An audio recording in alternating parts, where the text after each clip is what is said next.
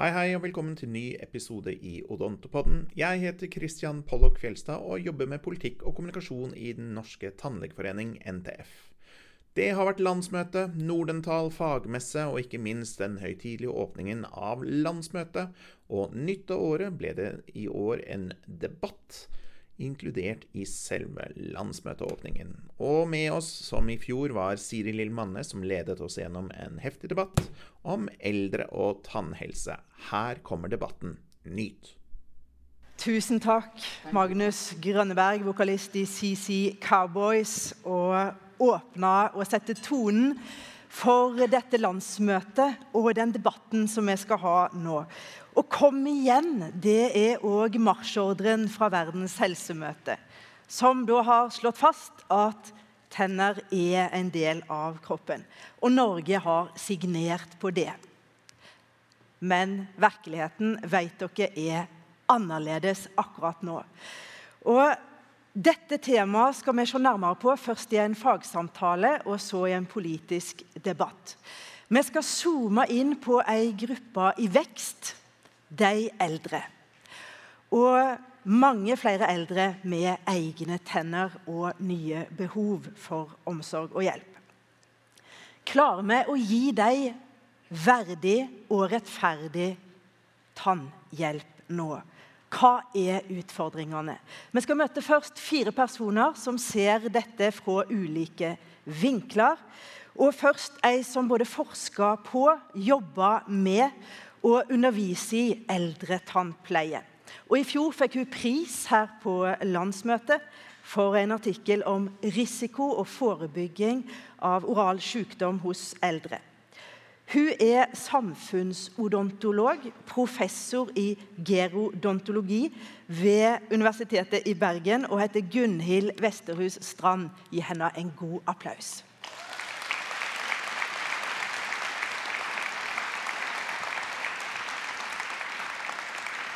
Hjertelig velkommen, Gunhild. Og før vi går i gang med utfordringene, hvor viktig er tannhelse for eldre? Hva betyr det for dem? Ja, det er nok viktigere enn det vi tror. Det er noe med når du blir gammel og tennene ryker, så sier pasientene ja, nå går jeg i oppløsning. Nå, nå ryker liksom hele jeg. Eh, men heldigvis så skjer det ikke i våre dager så mye. For når jeg går i sykehjem, og det gjør jeg hver uke, og jeg er også i hjemmebasert tjeneste, så ser jeg hundreåringer. 100 år gamle menn med fulle tannrekker fra syver til syver flotte tenner. 100 år gamle mannfolk. De som skjønner jeg har lyst til å kysse dem. Og det, er, det, gjør meg så rørt og det gjør meg så stolt, for det er der vi er kommet i dag. For det er ingen automatikk i at det at du blir gammel, betyr at tennene ryker? Nei, fordi at tenner har med stell å gjøre. Tenner har ikke med alder å gjøre. Og hvorfor er vi kommet dit vi er i dag? Og det har jeg lyst til å si. Det er fordi vi har vært gode. Det er ikke fordi statssekretæren står her og sier at vi har fått alle disse lovene, lovene og reglene. Det har ingenting med det å gjøre. Det er fordi den norske tannlegestand, og det gjelder de offentlige, men også de private. De private sitter hver dag i sin praksis og sier du må pusse her, du må være nøyere der, du må bruke mellomromsbørste der. Vi har satset på forebygging, og vi har vært så dyktige. Og kan vi ikke få lov å si til oss selv en gang, iallfall én gang, slå oss på skuldrene og si Gud, så dyktige vi har vært. Og dette Men Gunhild, jeg må spørre, spørre deg òg, fordi det er utfordringer her, og du ser ja. utfordringene. Hva er den største utfordringene med eldre og tannhelse i dag? Og det er klart at Når vi har fått den tannhelsesituasjonen nå, som vi har fått, så må vi sale om. Det vet jo alle. Nå har vi fått andre utfordringer. Og vi har to utfordringer, sånn som jeg ser det. Det ene er at vi har en tannhelsetjenestelov som er ko-ko. Den er helt, helt ko-ko. Det er ikke en tannlege eller en tannpleier i dette land som ikke mener at tannhelsetjenesteloven er ko-ko. Hva er ko-ko? Hva er ko-ko med den loven? Ja, I én setning.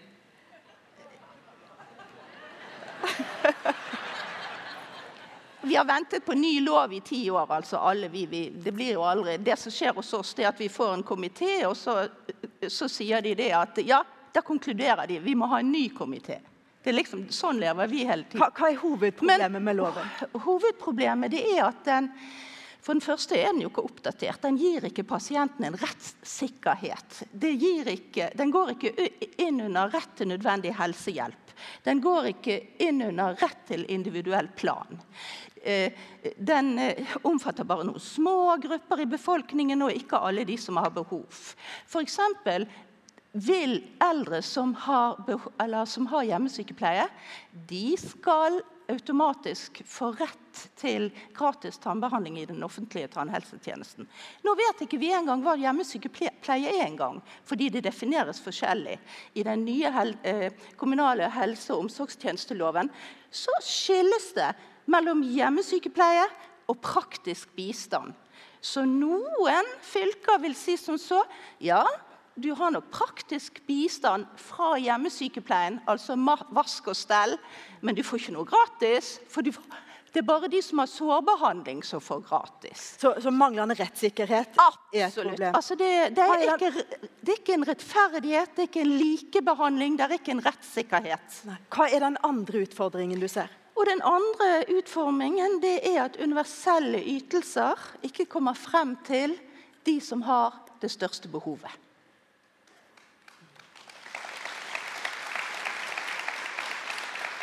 Og hva betyr det? Ja, det betyr i praksis det at vi ikke når de hjemmeboende syke. Vi når ikke psykiatripasientene. Vi når ikke pasienter med rus. Vi når kanskje ikke folk som er i fengsel. Vi når kanskje ikke innvandrere og den slags type. Hva er grunnen til det? Ja det er vel det vi skal diskutere i dag. Men det er klart at jeg ser jo ikke at det er noen fordel at tannhelsetjenesten ligger på fylkeskommunalt nivå når all annen helsetjeneste ligger på kommunalt nivå. For da får vi det slik at tenner ikke lenger tilhører resten av kroppen. Og Da må vi hente inn en som sitter på akkurat fylkeskommunalt nivå. Og vi har med oss eh, en som er fylkestannlege i Trøndelag. Han heter Bjørnar Hafelt, har gått imot han.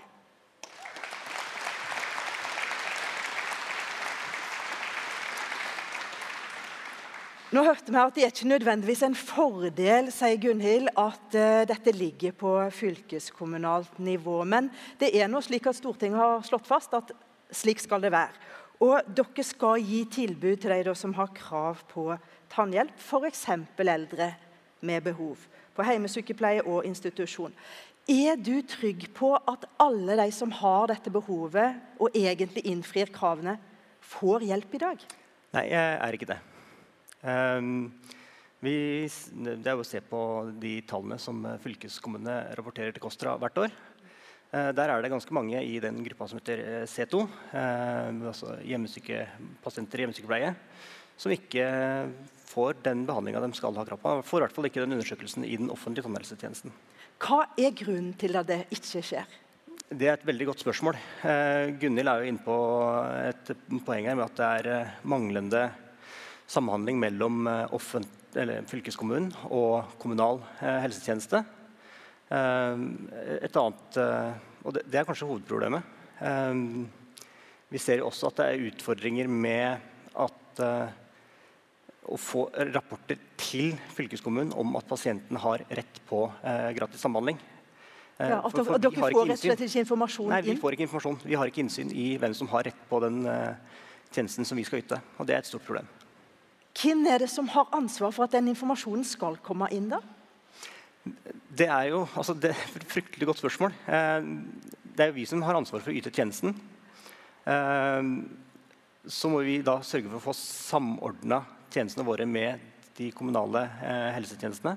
Sånn at vi får beskjed fra kommunen. Og det er kommunen som sitter med nøklene. Det er kommunen som vet hvem som oppfyller kravene til å få gratis sambehandling. Eh, og ja, der er, der er problemet. Ja, er, er, du egentlig enig med det Gunhild sier her? At eh, det er, det er, en hovedutfordring? At det ligger på ulike nivåer? Og kanskje det burde ligge på kommunen?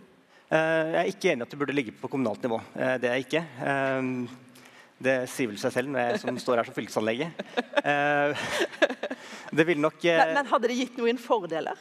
Det hadde gitt noen, for, noen fordeler, hadde gitt, og så hadde det hatt noen ulemper. Mm. Så Vi skal komme tilbake til hva løsninger du ser for deg kunne gjort dette systemet bedre. Men vi må hente inn flere. For det er jo mange som har en, et bidrag inn i dette systemet. og vi har hørt at tenner og munn henger sammen med resten av kroppen. Og vi har med oss en lege, faktisk. Han er leder av fagstyret i Den norske legeforening. Og sier han er privilegert over å være fastlege i heimbygda si, Nesbyen i Hallingdal. Tar godt imot Ståle Onsgård Saga Bråten.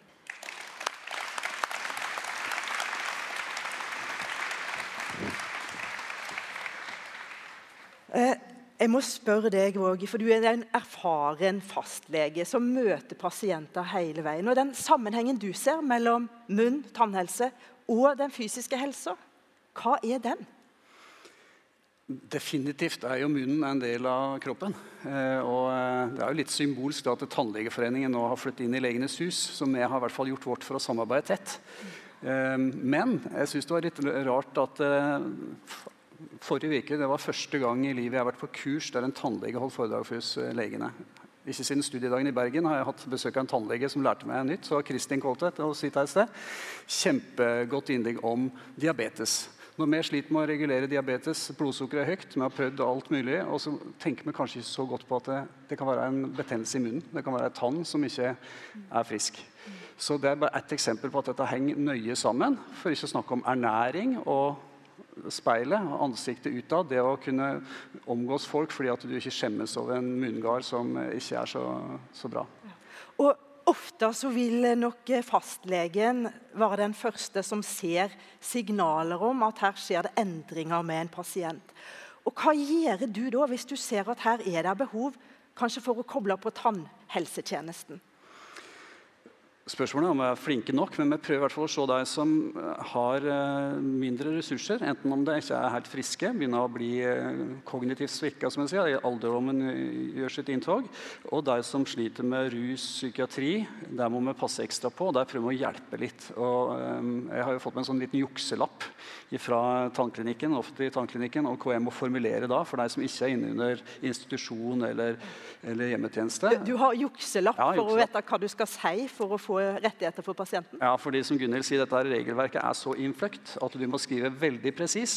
Så jeg har liksom fått en jukselapp sånn at det står akkurat den formuleringa jeg må ha for at det skal komme inn under ordningen. For Hvis jeg er upresis, så, så er det tilbake igjen, og så ingen støtte. Ja. Og da har du ikke jukselappen med deg? Jo, jeg har med den her. Det, er to, to sider. Jeg, har, jeg har den her tilfelle noen spør om fasiten, men det er rett og slett det, det skriftlige ikke sant, om at du skal ha eh, at du har nedsatt evne til egenomsorg pga. varig somatisk og psykisk sykdom og eller varig nedsatt funksjonsevne. og Det skal vare minimum et år osv. Du, må, du må nøye gå inn i hva slags diagnose. Det er enkelte diagnoser som er viktigere enn andre. Og så videre. så det, Hvis du bomma på den der, hva skjer da?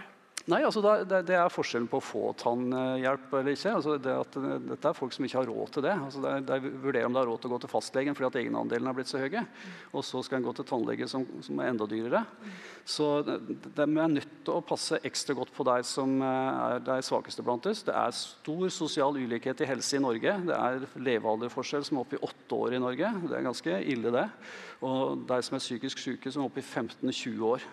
Så vi har et ansvar der for å se deg som er de svakeste blant oss, og hjelpe deg. Og da tenker jeg at Med fastleger som jo møter veldig mye av befolkningen i løpet av et år, så er folk innom i løpet av et år og følger litt ekstra godt med på tannhelse. Og sender deg videre. Ja. Så, så den største utfordringen du ser per i dag, hva er det? Det er at vi først og fremst må vi være enda bevisst på at vi må hjelpe til. Og så er utfordringen et innfløkt regelverk der det ikke er klart hvem som får hjelp, og hvem som ikke får hjelp. Mm. Og Det må vi høre litt mer om, for det er en gruppe her som vi ikke har snakka så mye om.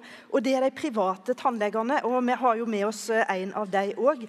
Og han er attpåtil visepresident i NTF. Ta godt imot Ralf Husebø.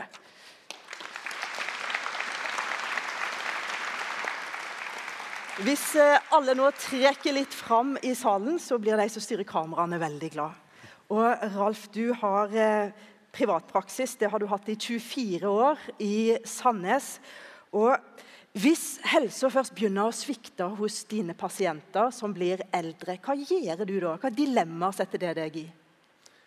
Nei, Det første og det vanligste dilemmaet er at jeg har en vanlig pasient inne til undersøkelse.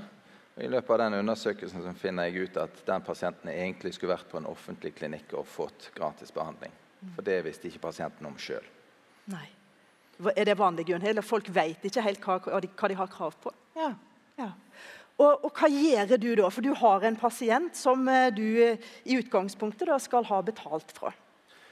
Eh, Veldig ofte så tilbyr jeg jo pasienten å, å ta det valget og prøve å gå offentlig.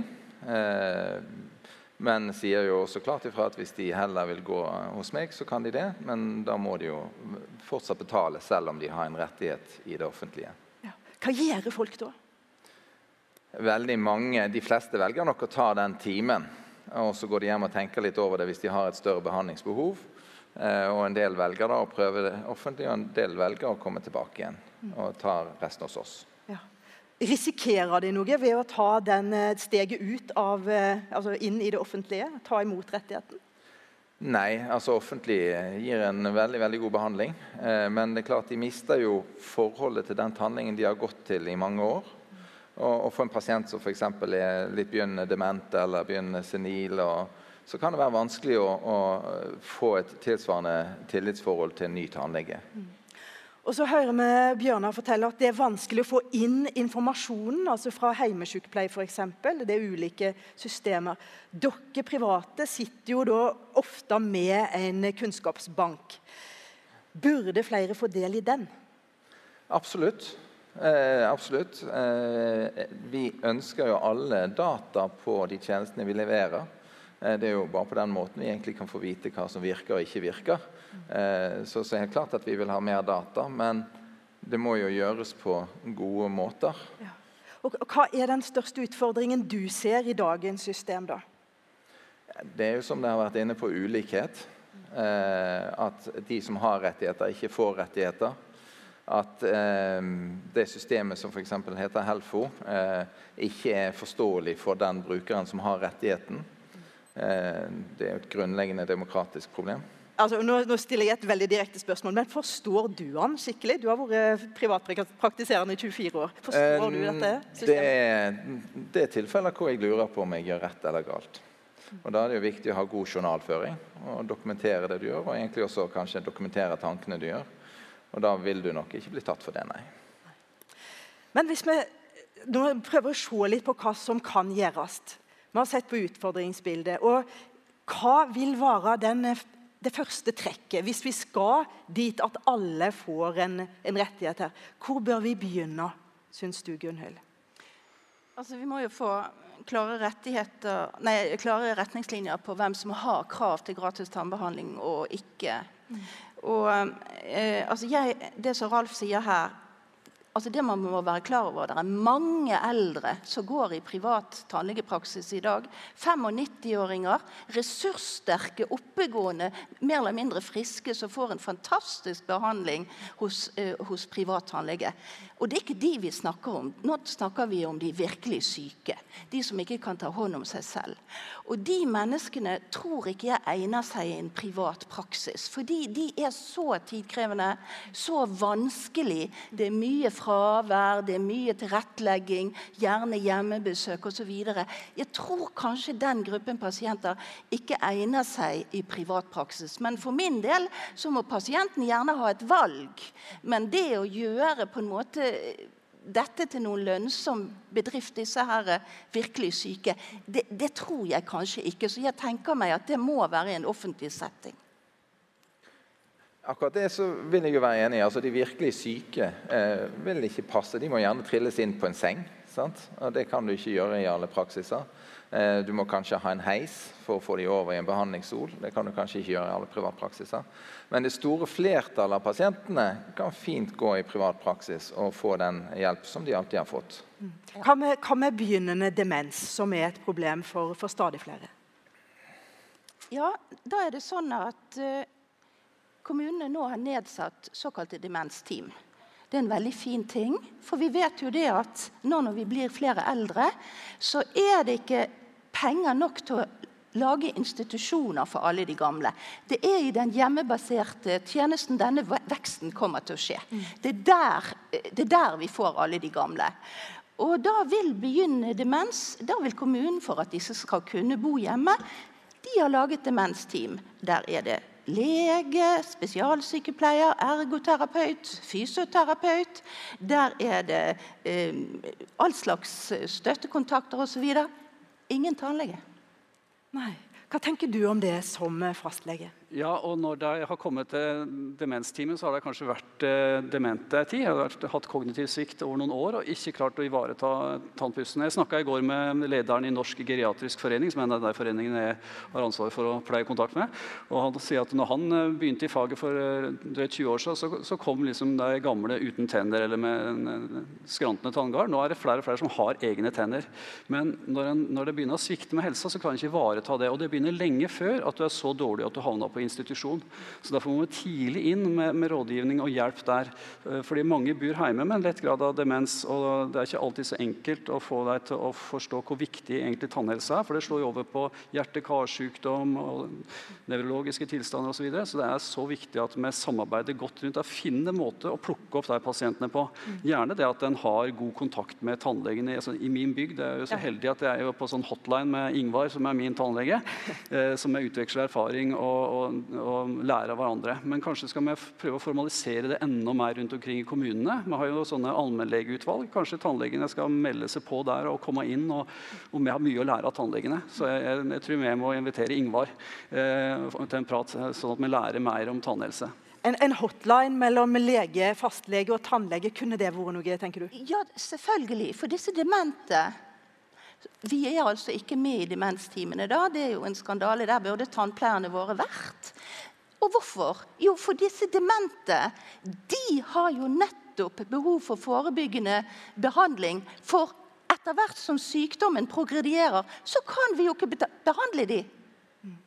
Nei, Der må man få beskjed om å begynne å bruke elektrisk tannbørste tidlig, for, eksempel, sånn at, for det vet vi. Er det, og jeg tror, jeg tror vi har så dyktige tannleger og tannpleiere i dette landet. Vi har kunnskap om hvordan vi skal gjøre dette. her. Det er snakk om organisering, det er snakk om system. Ja.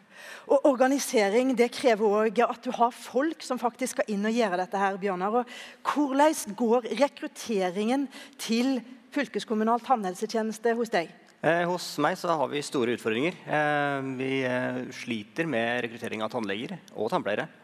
Uh, ute i distriktene spesielt. Uh, vi, vi, ser også at vi ikke får fulgt opp uh, vikariater i Trondheim. og Det tror jeg knapt nok har skjedd på hvert fall mange tiår. Uh, og det er en utvikling som er svært bekymringsverdig. Og, og, Hvis dere får en stor og økende gruppe med nye eldre med rettigheter, hva vil det bety for, for deg? det betyr at vi må prioritere enda tøffere vi må prioritere eh, forebygging, eh, forebygging, forebygging. Det er kanskje der nøkkelen ligger. Eh, men det vil jo måtte skje samtidig som man eh, skal utføre vanlig behandling. Eh, og det, det, det, er en vanskelig nøkkel å knekke. Mm. Hva rolle kan de private tannlegene ta her? Nei, det er jo helt klart at Hvis eh, rettigheten kunne fulgt pasienten, så kunne jo mange ha fortsatt i den private tannhelsetjenesten de er i, eh, fremfor å komme inn og ytterligere belaste den offentlige tannhelsetjenesten. Eh, og Det ville også vært gunstig for pasientene, som får fortsette å ha en relasjon til den tannlegen de har hatt en relasjon til i alle år. Ja. Gunhild? Ja, det, det, tror jeg jo at eh, mange ville synes er greit. og, og man må da selvfølgelig eh, forholde seg til dette som er nødvendig tannbehandling, som, som, vi alle er enige om at slik skal det være. Og jeg tror mange private vil føle et veldig ansvar for disse gamle menneskene som de har hatt i praksis. Kalle de inn og ta hånd om de. Eh, et ansvar som jeg ikke ser at fylkeskommunen har, i hvert fall per, dags dato. Mm. Ståle. Kan, kan ta en sånn lokal sak der. fordi at eh, Vårt legesenter i vår kommune har nå tenkt å bygge om og med tilbyde da fylkeskommunen, som jo sliter med å skaffe offentlige tannleger, eh, lokaler. Slik at vi, kunne, vi har fastlege der, vi har øre-nese- halslege. Jeg tenkte at Tannlege passa jo som hånd i hanske. For vi går over gangen til hverandre, spesialistene, og diskuterer. Eh, men da valgte en å bygge opp et annet eh, senter i nabokommunen som ikke har noen ting med helsetjenesten å gjøre. Og jeg tenker at Slike muligheter bør fylkeskommunene gripe når en sier at nå vil vi samlokalisere med resten av helsetjenesten. fordi da lager vi et fagmiljø som blir attraktivt å, å være i. Ja, og det er også noe vi ser på i de områdene der vi sliter med å rekruttere. Eh, eksempel så har vi i Åfjord kommune eh, inngått samarbeid med kommunen om å opprette et eh, felles eh, kontor med legehelsetjenesten og, eller primærhelsetjenesten, fastlegene og fysioterapi. Eh, med de deling av en del fellesfunksjoner for å skape et større fagmiljø i mangel på et odontologisk fagmiljø. Mm. Hvordan er kapasiteten hos de private tannlegene til eventuelt å avlaste det som skjer offentlig? Det vil nok variere over landet. det også. I enkelte områder så er det god kapasitet, i andre så er det stramt, også på privat side. Eh, men disse pasientene går allerede i privat eh, pleie. Og, og som eh, Gunhild er inne på, så er det veldig mange av tannlegene våre som har et godt forhold til pasientene sine. Altså Jeg kjenner dem med navn, jeg vet hva ungene driver med. Og de spør gjerne hva mine unger driver med. Eh, de spør hvilke studier de går på nå. Sant? Hvor gammel er de? Og, og, det er klart det er vanskelig å erstatte. Eh, så derfor så vil det være gunstig igjen om rettigheten kan følge pasienten. Og så hørte vi her om eh, behovet for en hotline lege-tannlege. Hva med elektronisk kommunikasjon? Altså Hvis dere vil utveksle meldinger med pasient med mange forskjellige behov, hva gjør dere i dag med det? det I dag så er det mye papir. Eh, Treg postgang, telefoni. Eh, det jobbes med å få på plass eh, elektroniske løsninger.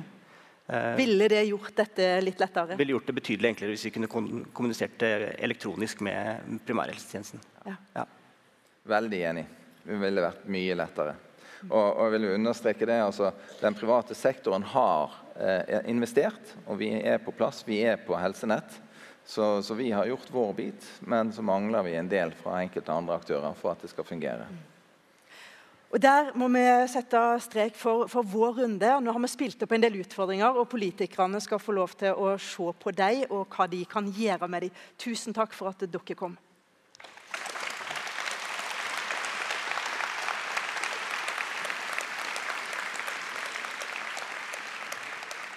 Og det er en eh, ganske rørende politisk enighet om at eh, tennene den, eh, er en del av kroppen, og at det bør være rettigheter på lik linje. Politisk òg. Spørsmålet er hvordan skal vi komme dit? Og som statssekretæren var inne på, så er det viktigste som skjer på tannhelsefronten akkurat nå, Tannhelseutvalget. Og Der er presidenten i Tannlegeforeningen med. De har hatt sitt første møte. Vi skal høre bitte litt om det. Hemming Olsen Bergem, velkommen tilbake. oss.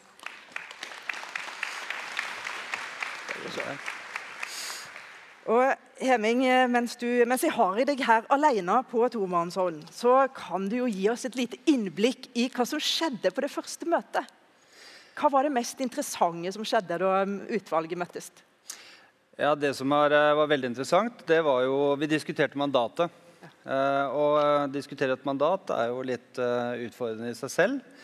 Særlig når man tenker på liksom, de tidene vi lever i. og det vi klarte å gjøre, var egentlig å ikke tenke på de tidene vi lever i, men å heller se på hva er den optimale tannhelsetjenesten integrert i helse- og omsorgstjenesten.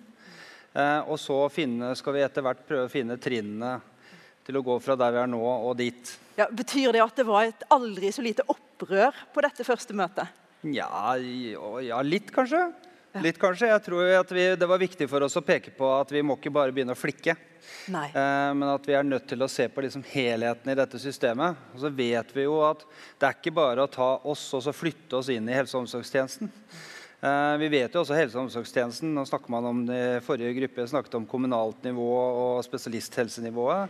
Og det fungerer jo heller ikke optimalt. sånn at det er ikke sånn at vi kan bare dytte inn og tro at alt fungerer da. For det gjør det jo ikke i helsevesenet ellers heller. Mm. Eh, så det å forholde seg til dagens økonomiske rammer, det ser vi vekk ifra? Ja, det skal vi gjøre. Vi må kunne si at her skal vi bruke 200 milliarder, om det er det som er eh, tanken. Mm. Og så, må vi, så skjønner vi jo realistisk sett. At uh, vi tror ikke at politikerne umiddelbart hoster opp de pengene. Uh, det får vi jo høre etterpå nå, da. Uh, men, men, vi må tenke den tanken, i hvert fall. Hva ville være det beste mm. systemet? Mm.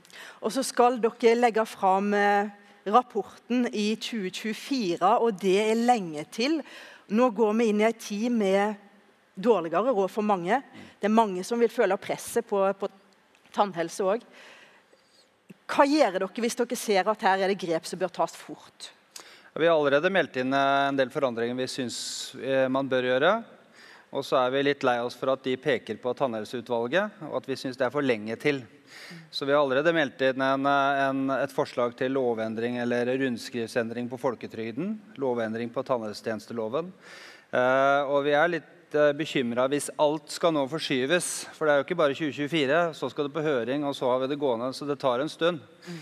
Uh, og da har man kanskje samme regjering, kanskje ny regjering. Uh, så det er mange ting som, som spiller inn der. Da. Og i den mellomrommet der så må vi tenke at det vi må peke på, er at de som ikke får rettigheten sin i dag etter intensjonen til loven, de må få den.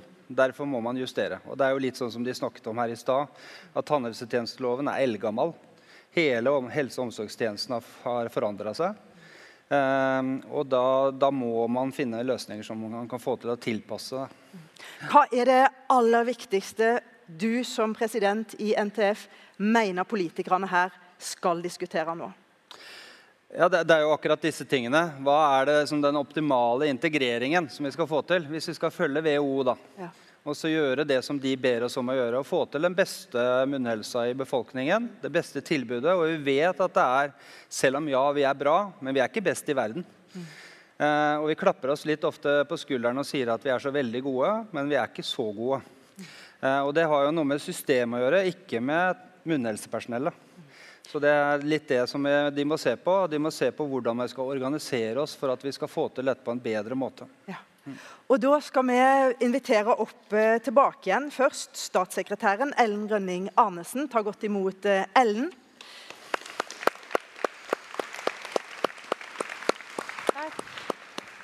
Og vi skal ha med oss eh, to stortingsrepresentanter til å utfordre og Ellen. Og det er Morten Wold fra Frp og Marian Hussein fra SV. Ta godt imot deg.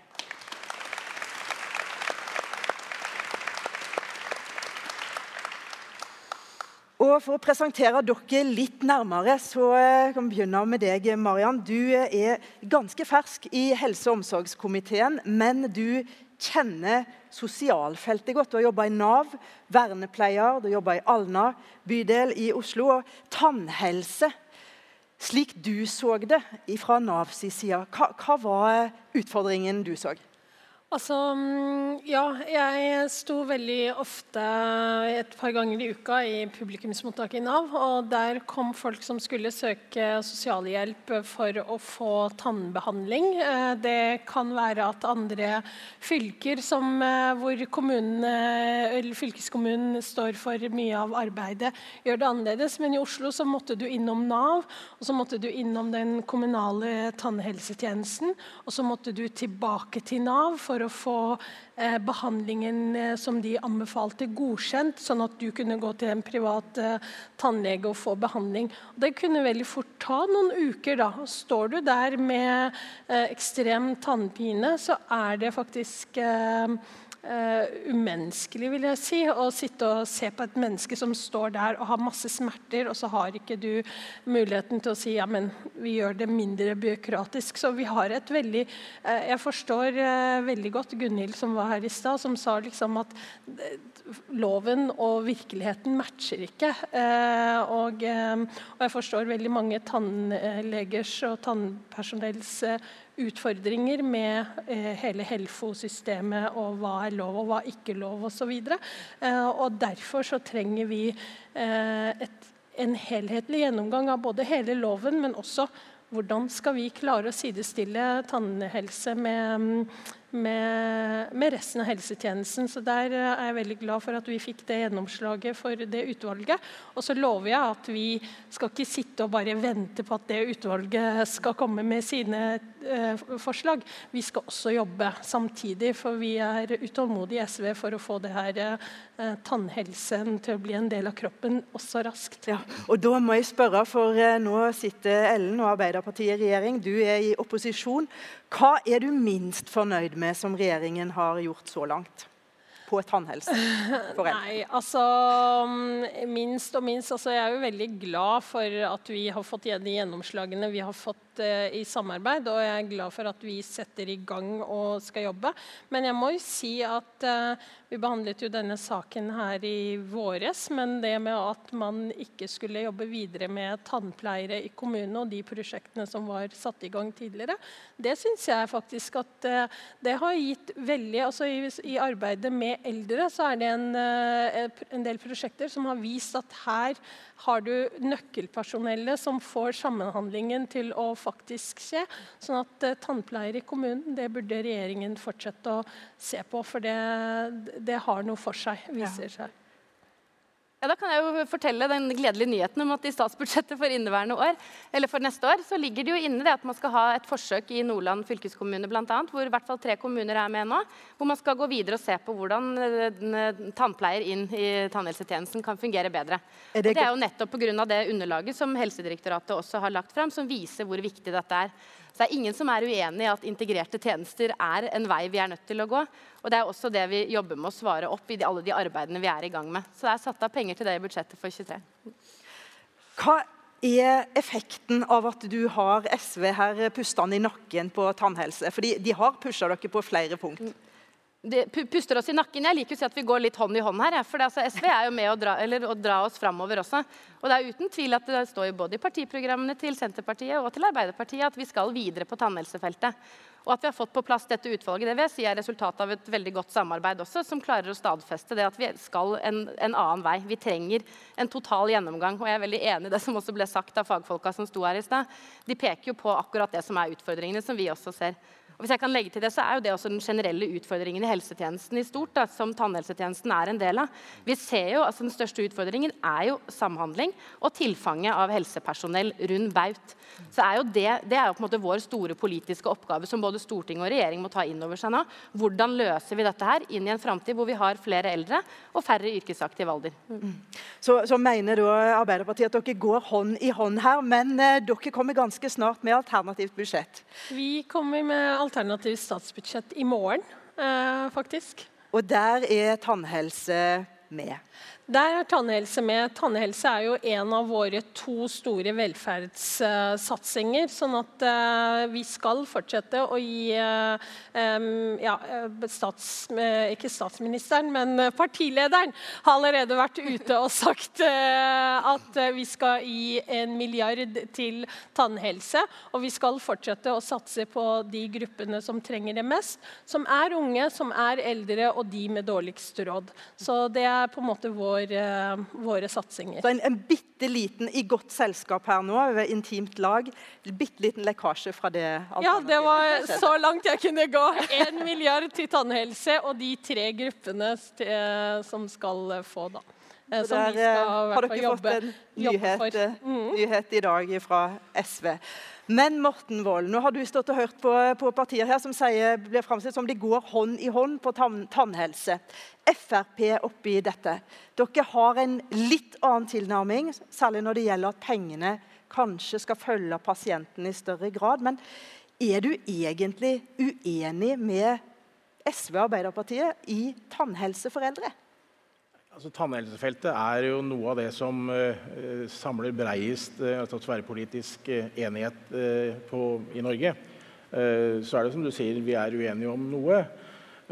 og når, når, statssekretæren sier at man går hånd i hånd med SV, så er det for så vidt riktig, det. Men det at de sånn umiddelbart bare fjerner den forsøksordningen som vi fikk til i Agder og og Romerike for eh, tannhelsehjelp for eh, eldre og beboere på sykehjem med 42 millioner. Den fjerner de med et pennestrøk.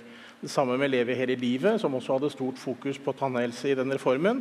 Det blir også borte. Så eh, det, er, det skjer jo ting som, som vi ikke syns er positivt. Men så er vi enige om at tennene er en del av kroppen. Eh, dessverre så er dette så kostbart at når vi kommer til stykket og skal finne inndekning for det, så er det ingen av oss som klarer det. Og det må vi bare være ærlige på. Altså, vi, vi, det får vi ikke til. Men det var jo som Husebø sa i debatten her i stad, altså at pengene kan følge pasienten. Det har jo vært vår politikk bestandig på helseområdet, og det syns jeg er fornuftig også her. Men dette er et veldig stort lerret å bleike.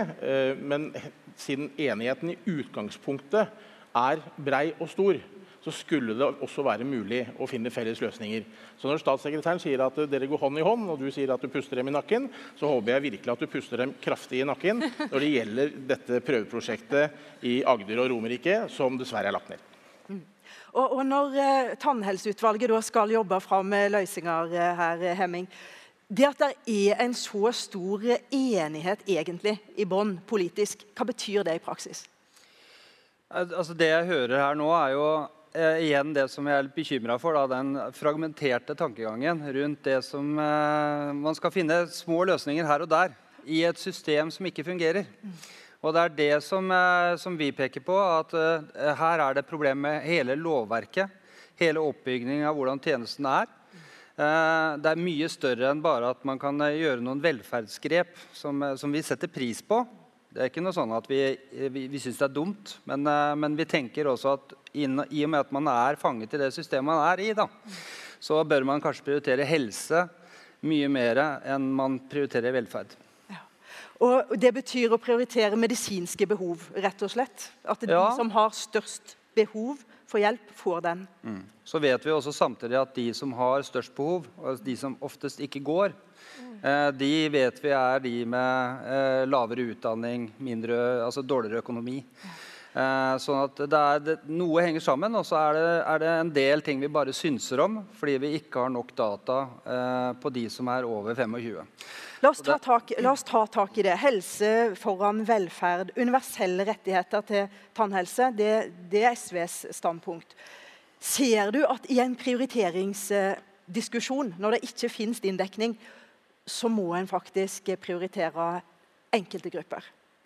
Ja, og vi er jo enige om at vi må prioritere noen grupper. Vi har valgt å prioritere noen grupper som er yngre eh, og eldre og eh, de med dårligst råd. Og så er det jo dette med hvor, uh, altså I forliket i fjor så fikk uh, vi gjennomslag for 21- eh, og 22-åringer.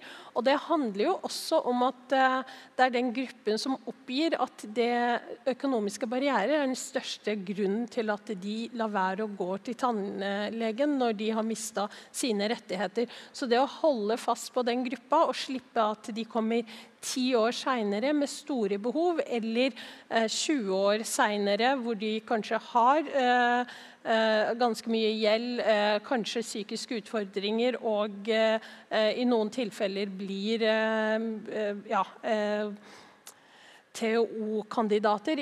Altså, du, du, vil jo ikke at, folk, at, det skal gå så dårlig med folk. sånn at det å satse tidlig, det å fortsette å forebygge, eh, tror vi veldig på. Men vi må jo også satse på flere eh, ja. ja. Så, så, der har dere valgt eh, økonomi som et kriterium. Og for unge er, så er det de som sliter mest med det. Hva tenker du eh, der, Morten? Altså, hvis du skal prioritere, hvem er det som skal eventuelt ikke få hjelp? Faktisk. Det er alltid vanskelig å velge de som ikke skal få hjelp, eh, framfor de som skal få hjelp, men det henger gjerne sammen. Eh, men det er bekymringsfullt å se på TV om dagen. Jeg så senest her i, tidligere i uka eh, unge mennesker som sier at de helt bevisst prioriterer bort tannbehandling. Og Hvis du begynner med det i ung alder, og det fortsetter, så vil problemene forsterke seg. Og tilbake til det presidenten var inne på, så er det altså, Dette handler om forebygging, det handler om samhandling, det handler om bedre refusjonsordninger, det handler om informasjon, og det, ikke minst handler det om lovverket, som vi har vært inne på her tidligere. Og det er også dette her med tiltak for, altså tiltak for eldre eh, i en tidlig fase av sykdomsforløpet, som også ble sagt i fagdebatten her. Når man begynner demens, så hvis man samhandler bedre i, hele helserekka, så er sjansen mye større for at man kan forhindre at pasienten til slutt blir helt tannløs. Jeg har sjøl opplevd i nær familie demens, hvor til slutt uh, min egen far satt uten tenner. Men han kunne ikke få behandling, fordi det var ikke mulig å få han til å sitte stille i tannlegestolen. Han våget ikke, han ble redd. Så det var, altså, det var helt forferdelig å se på. Men han er ikke noe eh, si, spesielt tilfelle. Det er mange som han.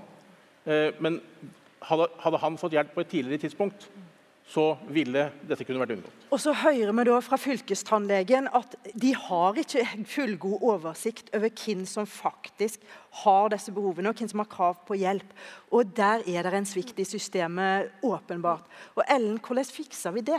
Det, det, altså, det tenker jeg er egentlig en av hovedoppgavene våre nå også. Når lovverket er sånn som det er, og systemet fungerer sånn som det gjør, så handler det også om at man skal innfri de rettighetene som allerede er der. Og Da må man jo være mer proaktiv, men man må også sørge for at tjenesten er godt nok skodd. At det er et nok tilfang av personell også i den fylkeskommunale tannhelsetjenesten. For Det er jo også der, altså, det må være et attraktivt sted å jobbe også. Men så sier fylkestannlegen at det er vanskelig å få folk. Ikke sant? Og Det er jo det som er en av hovedoppgavene våre også når vi jobber med helsepersonellkommisjonen og dette utvalget. Hvordan skal du klare å rekruttere folk inn? få dem til, fordi jeg tror Mye av det som gir boost til de som jobber på feltet, er jo også å se at man klarer å gi gode tjenester. Og Da handler det også om hvordan man samarbeider med med resten. Jeg synes det var utrolig mye godt, eh, mange gode innspill her knyttet til hvordan man samarbeider med legene. Men det handler også om hvordan man samarbeider med hjemmesykepleien. Og så er det noe av det som er grunnlaget her også, det er jo hvordan journalsystemene faktisk fungerer. Og at man klarer å fange opp, sånn at man har en journal som følger pasienten uavhengig av om det er tenner, psykisk helse eller om det er noe somatisk. Og Der sier da fagpanelet her at eh, de må ha elektronisk system for å utveksle informasjon. Og kort, ja eller nei, skal vi gå inn for det? Ja, absolutt. Det, det, det, må vi ha på plass. og Det gjelder ikke bare denne, denne tjenesten, men det gjelder hele helsetjenesten. Men det, det er prioritert? Ja, Det er jo et vanskelig tema, det også, fordi det går på personvern bl.a. Så det er jo, Datatilsynet hender jo å melde fra om eh, når sånne ting, eh, spørsmål kommer opp. Men, eh, men for en bedre og sømløs behandling så sier jeg ja til det. Mm.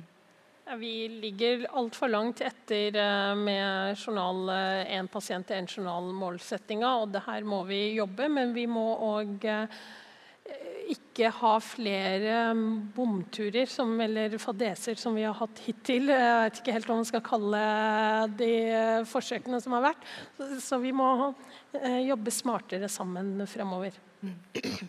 Jeg, jeg, har jo jobbet på sykehus og vært inne i dette elektroniske systemet. og Det fungerer godt uh, for så vidt mellom spesialisthelsetjeneste og kommune, uh, men ikke optimalt. Og Det er viktig å si sant, at selv om du får digitale tjenester, ja, det bør definitivt tannhelsetjenesten også ha, så løses det ikke bare ved det. Det løses ved at man ser dette som en helhet. Eh, og ikke ser det som eh, fragmenterte enheter som skal liksom samhandle, men ser at dette er vårt helsevesen. Uh, og det er, vi har vi en del skott imellom. og Vi har jo særlig mange skott fra tannhelsetjenesten til både kommunehelsetjenesten og til spesialisthelsetjenesten. Og Vi er nødt til å få åpna opp disse skottene. Og da tror jeg jo, jeg tror definitivt ikke at vi skal gå til kommunen, flytte tannhelsetjenesten til kommunen. Men jeg tror at vi må se på kanskje å få til bedre likhet i regionale nivåer. Større nivåer. Mm. Nei, jeg tenkte på altså, dette her med, med, hvordan informasjonen også flyter. for Det handler jo også om investeringsviljen der ute. for Det er jo litt der det også ligger. Altså, Hvordan skal man klare å investere i oppdaterte journalsystemer hos den enkelte eh, lege og i den enkelte kommune også, sånn at flyten skal kunne gå godt nok. Og Det er jo litt det vi også gjør nå, når vi sier at det arbeidet som har pågått i et, et altfor stort omfang, heller skal brytes ned, så man klarer å, gi, klarer å stimulere da, til de investeringene som gjør at man får på plass et nytt journalsystem, og informasjonen om pasienten kan gå og når vi snakker om dette her med fylkeskommunene og kommunene også, så tror, må vi også ta inn over oss hvordan Norge ser ut. Altså Med 356 ulike kommuner så er det ikke sikkert at løsningen er at det skal ligge der nede på en tjeneste som kanskje kan løses bedre regionalt, og hvor man uansett ser at man, man har behov for interkommunalt samarbeid, f.eks. Mm. Et litt, litt argument for større kommuner her eh, fra Arbeiderpartiet? Vi vet jo alltid at det er funksjonen som er viktigst, så det handler også om hvordan man samordner seg også, så kompetansen treffer pasienten på en best mulig måte. Ja, Marianne. Og så mener Jeg jo, altså jeg er jo fra Oslo, men men det, er jo sånn at i Oslo så har du ganske, altså ganske god tannhelsedekning eh, og ganske tett mellom tannlegene. Men i resten av landet så står jo den offentlige tannhelsetjenesten for å, i det hele tatt at folk skal ha tilgang på en tannlege. Sånn at det å også huske at det her eh, Norge ser veldig ulikt ut, og at vi må også jobbe for at eh, det ikke bare er overbehandling rundt eh, Stortinget, mens i resten av landet så må du vente i flere måneder for å få en uh, tannlege til uh, kommunen. Det tenker jeg jo at, at Selv i Oslo så faller jo veldig mange utenfor. Uh, og Det er jo viktig å reflektere over i, i et sånt system. Da. Det er ikke sånn, Selv om fylkeskommunal og kommunal helsetjeneste i Oslo er nesten det samme, så, så, så, løser ikke det problemet. Og Vi har jo pekt på en gruppe som, med de med psykisk helseplager. Uh, som faller utenfor begge lovverkene, altså både tannhelsetjenesteloven og lov om folketrygd. Og Den har vi jo egentlig bedt da statssekretæren om å se på, og vi har fått svar tilbake at den går til Tannhelseutvalget. og Det er vi ikke fornøyd med. Eh, at vi skal vente så lenge med det. For her snakker vi mange mennesker som har etter intensjonen av begge de lovene en rettighet ja. som de mister fordi de er for dårlige til å klare å gjennomføre det når de, er, når de, når de har rettigheten sin. Ja. Og, og det, Sånne ting mener jeg at vi må kunne løse før og ikke sitte og vente på et utvalg. Dette må, dette må løftes opp. Dette snakker om, da snakker vi om mennesker som sliter. Ja. Og, og, dette haster, sier Heming her. Går det an å skru opp tempoet for deres side òg nå? vi prøver å skru, vi jobber med ni stortingsmeldinger nå som skal prøve å svare ut det som er behovet i den offentlige helsetjenesten. Men, hva, hva er det du vil ha rask han, respons på? Hemme. Han vil jo uh, høre hvordan vi skal kunne jeg... innfri rettighet, eller innfri behovet som de med psykiske lidelser har. Her kunne, kunne regjeringen ha gjort det veldig enkelt. Uh, de kunne endret på rundskrivet til uh, folketrygden. Det er en minor detail. Dette her kan de løse lett. Den tar du, Ellen. Og da vil, vil det kunne gi dem de rettighetene etter Helfo-systemet, eller lov om folketrygden. Mm. Mariann og så Morten. Ja, jeg skulle si Hemming utfordret meg på dette med Oslo. Men i Oslo så har vi problemet at vi har ikke regulering i etablering. sånn at organiseringen i Oslo kommune og tannhelsetjenesten eh, er, det er én ting. Men det faktum at vi har null etableringskontroll, sånn at det er mer tiltrekkende å være i en storby hvor folk kan betale for seg. Også i en delt by. Jeg tror ikke det er i bydel Stovner, der jeg bor, med 14 eh, års mindre levealder Eh, det er, det er, ikke der tannlegene søker seg til. Det er jo rundt sentrum eh, og i en delt by med ganske ulike, eh, store ulikheter. Så må vi fortsette å si at ok, Oslo skal ikke ha alle de her private tannlegekontorene. Vi skal satse på tannhelse, men vi må også tenke på resten av landet. Så da fikk jeg sagt det, og får sikkert ikke applaus i denne sal. ikke så mange private kontorer i Oslo, Morten? Jo, eh, folk må jo få etablere seg der de vil, men, men, eh, det er jo en kjent sak at vi sliter både med etablering av tannlegekontorer rundt i landet, og også det å få fastleger til å søke seg til stillingshjemler i litt mer grisgrendte strøk. Når det gjelder dette ekspertutvalget som eh, er nevnt her, så det er jo litt sånn typisk Regjeringen setter jo stadig ned slike utvalg, uansett hvilken farge regjeringen har. Eh, men eh, det fine med det er jo, i hvert fall med denne regjeringen, er jo at hver gang jeg ser en statsråd på TV fra den rød-grønne regjeringen, så forsikrer de om at de følger veldig nøye med. Eh, og det gjør de helt sikkert her også. Det gjelder kanskje litt andre spørsmål. Men hva som kommer ut av det, det gjenstår å se. Og et utvalg er ikke alltid løsningen på noe, men det blir sjelden verre etter at et utvalg har vært i arbeid. Den, den utfordringen den går videre til utvalget og Hemming, og ta den med. Kan jeg få lov å si en ting på slutten der? det må dette, være veldig kort. Dette utvalget har også fått lov til å levere tilleggs- eller utredninger underveis. Ja. Så de får lov til å levere ting. Det har vi skrevet ganske eksplisitt inn. At hvis dere ser det, at det er behov for å levere noe fra dere på et tidligere tidspunkt, så den ballen håper jeg også dere tar. Hvis det er noe som har behov for å ha ekstra fortgang, hvor utvalget er enig og kommer til å se en enhetlig utvikling. Da kommer det om to uker. Ja. Tusen takk skal dere ha. Tusen takk. Og vi skal, eh, vi skal, ha en liten oppsummering, og det er til å være en debatt om eldre og tannhelse i fokus, så er det da en av de aller yngste i forsamlingen som skal oppsummere den. Og Hun er 22 år, kommer fra Tromsø og studerer der. Ta godt imot Stine Arnesen.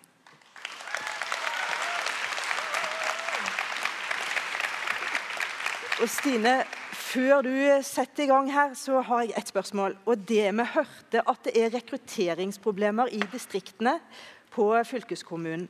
Og når eh, paradoksalt nok det er sånn at lengst i nord, der er problemet minst, hva skyldes det?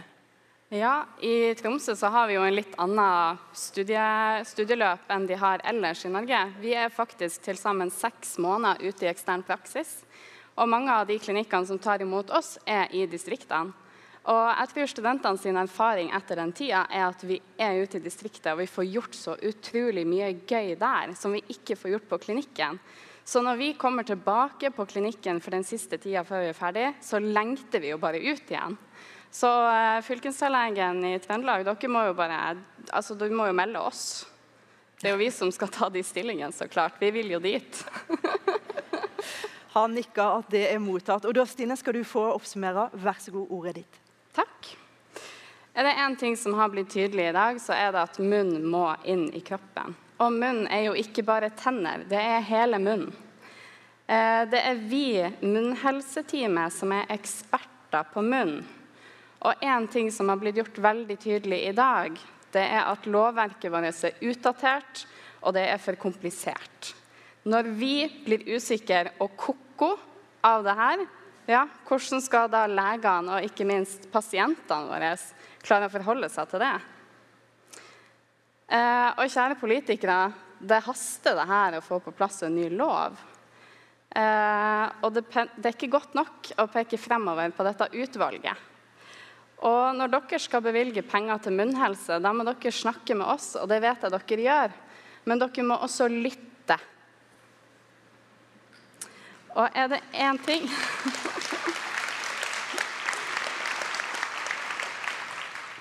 En ting som jeg syns ble nevnt litt for lite i dag, det var nevnt nettopp forebygging. Eh, vi vil jo være på banen før det i det hele tatt oppstår sykdom. Eh, og det jeg vil si, det er at munnhelse virkelig må inn i utdanninga til også de andre som skal ta vare på de eldre. Eh, det er jo de legene og sykepleierne som ser disse pasientene oftest.